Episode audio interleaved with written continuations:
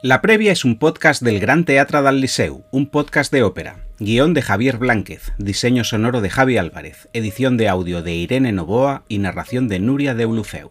En este capítulo hablaremos de Anthony and Cleopatra, una ópera de nueva creación del compositor estadounidense John Adams, estrenada en septiembre de 2022 en la Ópera de San Francisco y en cuyo encargo y coproducción han participado también el Gran Teatre del Liceu y la Metropolitan Opera de Nueva York. De hecho, la primera fecha en Barcelona, el sábado 28 de octubre, será el estreno absoluto de la obra en Europa, lo que convertirá estas funciones en una ocasión especial y un privilegio para muchos aficionados de hoy. Anthony and Cleopatra es una turbulenta historia de ambición política y pasión amorosa tóxica que sigue muy de cerca la tragedia homónima de William Shakespeare, que Adams ha enriquecido con textos clásicos de autores como Plutarco o Virgilio. En su trabajo como compositor de óperas, John Adams ha buscado casi siempre historias cercanas en el tiempo. La mayoría de sus títulos más conocidos, como Nixon in China o Doctor Atomic, se basaban en acontecimientos políticos clave del siglo XX, como la construcción de la primera bomba atómica, el terrorismo internacional o la diplomacia al final de la Guerra Fría. Pero con Antony and Cleopatra y por primera vez, Adams viaja en el tiempo más de 2000 años atrás a las turbulencias que dieron paso al nacimiento de la Roma imperial comandada por Octavio Augusto. Aún así, tal como explica el propio autor, esta no es una historia antigua, sino una parábola moderna en la que los personajes, ya sea en su pasión afectiva o su ambición material, despliegan una psicología y una moral reconocibles en nuestro mundo. La ópera y la producción que la acompaña son un reflejo de este momento, muestran la ansiedad de unos personajes sometidos a un escrutinio público brutal, perdidos en las complejidades de una crisis emocional y política que los supera. Anthony and Cleopatra tendrá seis únicas funciones hasta el 8 de noviembre. Este estreno europeo, además, contará con un extra de gran importancia. Será el propio John Adams quien dirija la Orquesta Sinfónica del Gran Teatre del Liceu.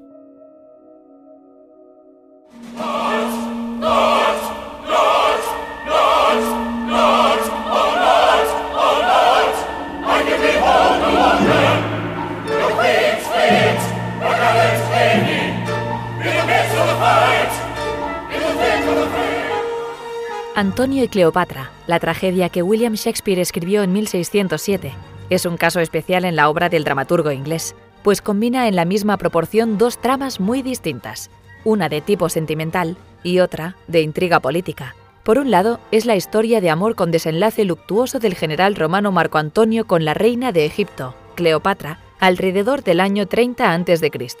Por otro lado, muestra las intrigas de César, el futuro emperador Augusto, para hacerse con el poder absoluto en aquella Roma que dominaba todo el Mediterráneo. Y ninguna de las dos tramas es más importante que la otra, ambas van estrechamente unidas, pues la relación amorosa provoca una furiosa reacción política, y es la guerra la que terminará uniendo a la pareja protagonista a la vez que fuerza su muerte. Como todas las obras mayores de Shakespeare, Antonio y Cleopatra resuena en nuestro mundo porque la psicología de sus personajes y las pulsiones que los mueven son completamente actuales. John Adams comenzó a trabajar en Anthony en Cleopatra en 2018, precisamente porque encontró muchos paralelismos entre la historia antigua y los mecanismos que mueven el mundo de hoy. Lo que le atrajo fue comprobar que un personaje arrogante y mesiánico como César estaba cortado por el mismo patrón que otros supuestos salvadores del mundo, que aparecen a diario en las noticias, ya sean los gurús tecnológicos de Silicon Valley o los políticos con ambición imperial que financian escalas bélicas. Y de la relación amorosa entre Antonio y Cleopatra, a Adams le interesaba su ambigüedad, pues no es una pareja ejemplar en absoluto. Los dos desarrollan sentimientos extremos, celos, remordimientos, se traicionan y se reconcilian, se mienten y vuelven a perder la confianza, pero finalmente aceptan morir por amor. También es una pareja mayor para los estándares de la época. Marco Antonio es aquí un hombre de 40 años, que ve cerca el final de su vida militar, mientras que Cleopatra es una mujer de más de 30 años con un hijo, Cesarión, fruto de su relación anterior con Julio César, muy lejos de ser un adolescente. Su amor, por tanto, no es el de la juventud arrolladora, sino el de la madurez compleja, con dudas y expectativas difíciles de gestionar. En gran parte, es también un amor tóxico, buen material para construir con él una ópera trágica.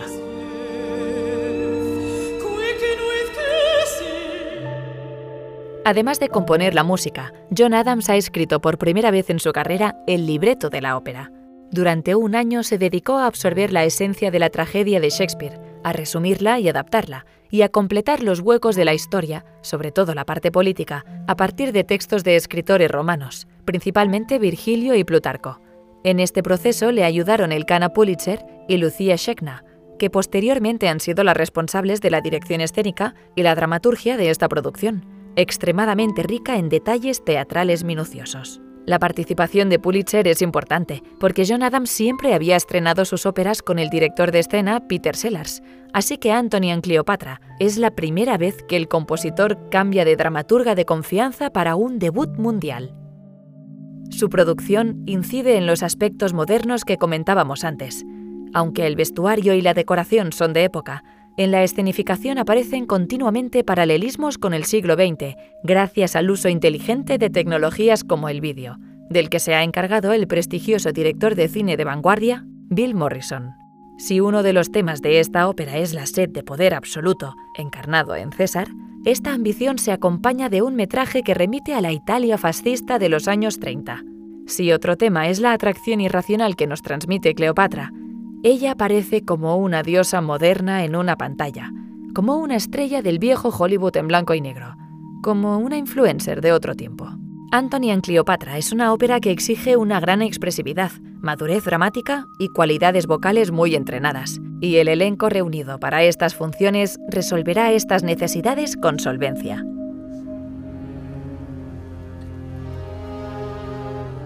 El papel de Cleopatra lo cantará la soprano Julia Bullock, y la mezzosoprano Adriana Viñañi Lesca se encargará de su sirvienta, Chermien. El prestigioso barítono Gerald Finlay retomará el papel de Anthony, que ya debutó en el estreno en San Francisco, igual que el tenor Paul Appleby, que cantará el papel de César. La ópera cuenta con varios papeles de menor extensión, pero no menor peso, como los de los lugartenientes de Antonio, Enobarbus y Eros, que cantarán respectivamente el bajo Alfred Walker y el tenor Brenton Ryan. Agripa, la mano derecha de César, lo cantará el barítono Eneas Hum y su hermana Octavia la encarnará la mezzo Elizabeth de Song. El propio John Adams dirigirá las funciones, como a lo largo de la historia del Liceu lo han hecho muchos otros compositores contemporáneos con sus propias óperas, desde Igor Stravinsky a Manuel de Falla, pasando por Richard Strauss.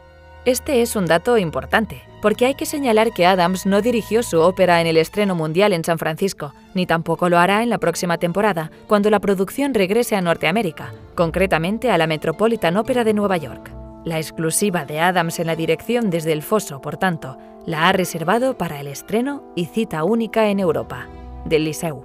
Esta es su sexta ópera, un paso más en la carrera de un autor crucial en la música del cambio de siglo y que siempre ha querido reinventarse a sí mismo. De John Adams, Javier nos aporta ahora más información. La coloratura. La coloratura. John Adams, nacido en 1947 en Worcester, una localidad del estado de Massachusetts, en el este de Estados Unidos, es una de las figuras más relevantes del nuevo modernismo de finales del siglo XX y principios del XXI, y sin discusión uno de los principales compositores en activo en todo el mundo. Su trayectoria profesional es larga y variada, y no es fácil adscribirlo a una escuela en particular, aunque generalmente suele ubicarse Adams dentro de la segunda generación de músicos minimalistas norteamericanos, una figura que enlaza a pioneros de los años 60 y 70 como Philip Glass o Steve Reitz con la nueva escuela de principios de este siglo, liderada por figuras como Michael Gordon, Nico Mulley o Julia Wolf. Algunas de las obras instrumentales más conocidas de Adams, como Shaker Loops o Short Ride in a Fast Machine, se caracterizan por combinar elementos de la música popular, ya que su primera educación fue el jazz, gracias a la influencia de su padre, clarinetista en una orquesta de swing, y también de una tradición occidental tonal que él siempre ha querido abrazar en su máxima amplitud. Si una de las características de la primera escuela minimalista de Nueva York es la circularidad del sonido y la búsqueda de influencias en tradiciones no occidentales, como la música india, Adams prefiere buscar la música sacra anterior al siglo XIX, a minimalistas repetitivos como Lamont Young o modernistas americanos como Elliot Carter o Aaron Copland. Es decir, estamos ante un creador que conoce la historia, que vive en el presente y que ha trazado caminos transitables para la música del futuro.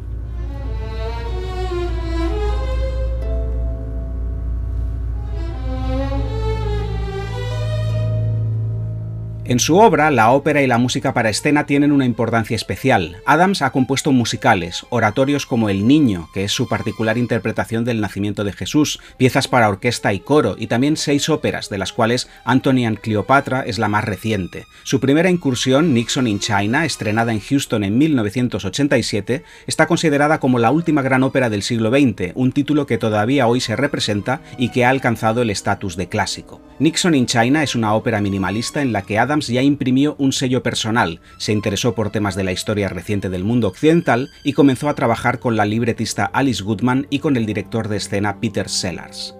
En sus cuatro siguientes óperas, ese equipo se mantuvo sin fisuras. La segunda fue The Death of Klinghoffer, un drama inspirado en un episodio de terrorismo en 1985, el secuestro del crucero Aquile Lauro en el mar Mediterráneo. Posteriormente compuso Doctor Atomic, inspirada en la vida de Robert Oppenheimer, el padre de la bomba atómica, y más tarde a Flowering Tree y Girls of the Golden West, una ópera western profundamente americana. Esta última, por cierto, contiene la génesis de Antony and Cleopatra. Durante la fiebre del oro era habitual que se representar a Shakespeare en los pueblos mineros, y eso atrajo la atención de Adams hacia la tragedia que ahora nos ocupa.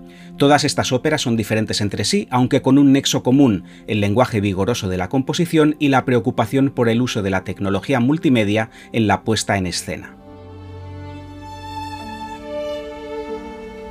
Dice John Adams que en este momento de su carrera, a los 76 años, cada obra nueva que crea se juzga no en comparación con el resto de música de su presente, sino con su música pasada, y la partitura de Anthony and Cleopatra reafirma esta impresión, ya que en ella Adams ha vuelto a salirse de sus prácticas habituales. No solo ha sido el libretista, sino que ha cambiado el equipo escénico y ha creado una música que rompe vínculos con el post-minimalismo que le era habitual para inspirarse en otras tradiciones modernistas de la música occidental, como la escuela expresionista de principios del siglo Y la tensión atonal característica de maestros como Benjamin Britten. Esto es importante tenerlo en cuenta porque Anthony and Cleopatra no suena en absoluto como Nixon in China. La manera de cantar es más recitada que lírica en el estilo Sprechgesang que encontramos en obras como Wozzeck de Alban Berg o La Electra de Richard Strauss.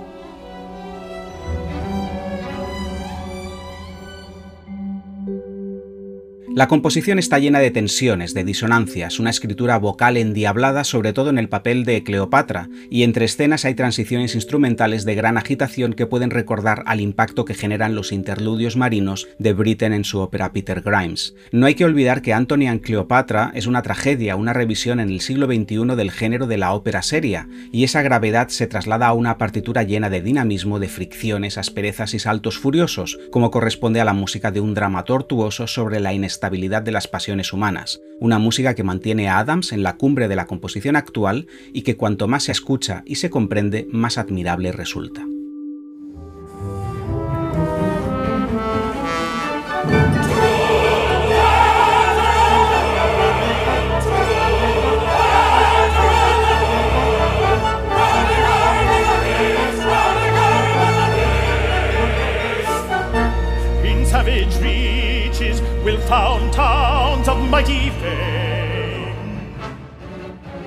La historia de Antony and Cleopatra sigue estrechamente el argumento de la tragedia de Shakespeare. Estamos al final de la República de Roma. Tras la muerte de Julio César y la derrota de sus enemigos, un triunvirato formado por Octavio, Lépido y Marco Antonio se reparte el poder. Marco Antonio, Antony en la ópera, domina las tierras del este y desde hace tiempo vive de manera indolente en Egipto como amante de la reina Cleopatra. La obra comienza con una escena en la que Cleopatra despierta a Antonio de un dulce sueño y se confiesan su amor. Les interrumpe un emisario que llega con dos noticias. Fulvia, la esposa de Antonio, ha muerto, y Octavio, a quien en la ópera se le identifica como César, reclama el regreso de su general a Roma. Antonio no quiere abandonar Alejandría, pero a la vez sabe que tiene responsabilidades políticas que cumplir, así que acata la orden. Cleopatra lo acepta, pero mostrando su decepción y su enfado. En Roma, César y su lugarteniente Agripa comentan la situación política. El poder del triunvirato tiene un nuevo enemigo en Pompeya que ha reunido un gran ejército, lo que obliga al regreso urgente de Antonio. Antonio llega a Roma acompañado de sus hombres de confianza, Enobarbus y Eros, y lima sus asperezas con César. Este le recrimina haberse aislado en Egipto y que su esposa Fulvia le haya declarado la guerra. Antonio se defiende. Su estancia en Egipto no comprometía a César y no tuvo nada que ver con la revuelta de sus enemigos. De hecho, Antonio confirma su fidelidad a Roma y acepta participar en una nueva alianza política propuesta por Agripa. Se casará con la hermana de César, Octavia. Cuando estas noticias llegan a Egipto, provocan la furia de Cleopatra.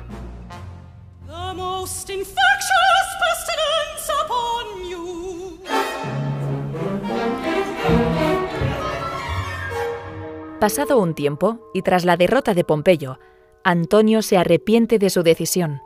Lejos del poder, rompe su alianza, abandona a Octavia y regresa a Egipto. César recibe noticias decepcionantes. Cleopatra y Antonio se han reconciliado, se han mostrado al pueblo como dioses y se han entronizado en la plaza pública. Es más, Antonio ha cedido a Cleopatra el poder sobre sus varias posesiones romanas de Oriente. César, por tanto, declara la guerra a Egipto, reúne una flota y se dirige a Alejandría. Tiene lugar la batalla de Axio, donde Antonio comete el error de luchar contra César en el mar y no en tierra, donde sus fuerzas eran superiores. Cleopatra interviene en la batalla con sus naves, pero su estrategia es nefasta y ambos son derrotados.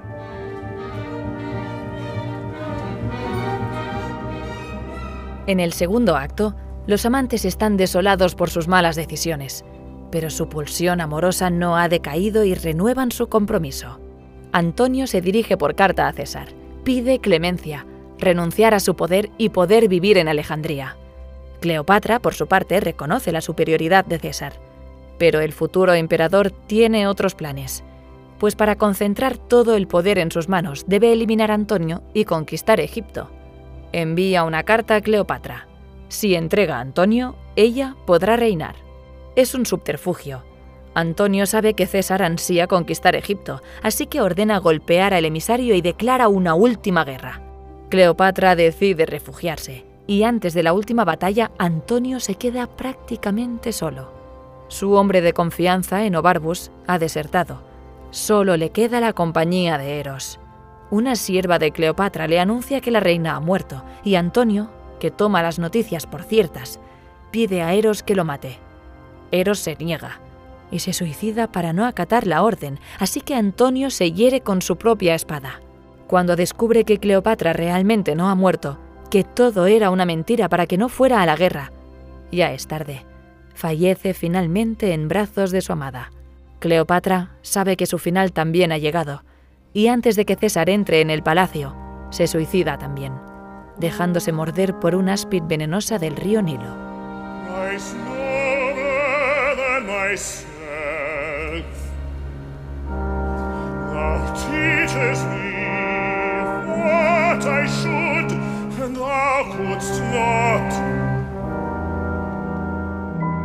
Gracias a la cultura popular, la figura histórica de la reina Cleopatra nos resulta cercana. No hay duda de que la aproximación más conocida es la película de 1963, dirigida por Joseph Menkiewicz y protagonizada por Elizabeth Taylor. Pero el listado de obras que han tratado de una manera u otra la figura de la última reina de Egipto es larguísima. Tenemos desde películas japonesas de animación a videojuegos, sin contar las apariciones constantes en poemas, obras de teatro, novelas e incluso la música pop. Esta obsesión por Cleopatra, por supuesto, también se extiende a la ópera. El tema elegido por John Adams no es en absoluto original, pero a la vez es pertinente, pues prolonga un continuum que tiene dos momentos especialmente interesantes desde el barroco hasta hoy. Giulio Cesare in Egitto, de Händel, donde la verdadera protagonista de la ópera es Cleopatra, y Antony en Cleopatra, de Samuel Barber, otra ópera moderna de 1966, inspirada igualmente en el drama de Shakespeare. ¿Qué tiene esta ópera de Adams en especial? En el aspecto literario y psicológico, algo muy importante. Tanto Antonio como Cleopatra no aparecen como dos locos enamorados con los sentidos nublados por la pasión, sino como dos personas turbulentas, maduras y conflictivas, para las que el amor es una continua fuente de sufrimiento, ya sea el que provocan en la otra mitad de la pareja como a sí mismos. En esta ópera no hay ninguna clase de romanticismo típico, sino un combate mental entre Antonio y Cleopatra, que a veces explota en violencia o agresividad verbal, y solo ocasionalmente les lleva al placer. Se trata de una lectura que, como indica el compositor, nos resulta próxima, pues refleja nítidamente la complejidad de las relaciones personales en el siglo XXI. Esta Antony en Cleopatra no es una historia de la antigüedad, sino una historia eterna con réplicas en todas las épocas y en todas las culturas. Un gran acontecimiento que merece la pena vivir.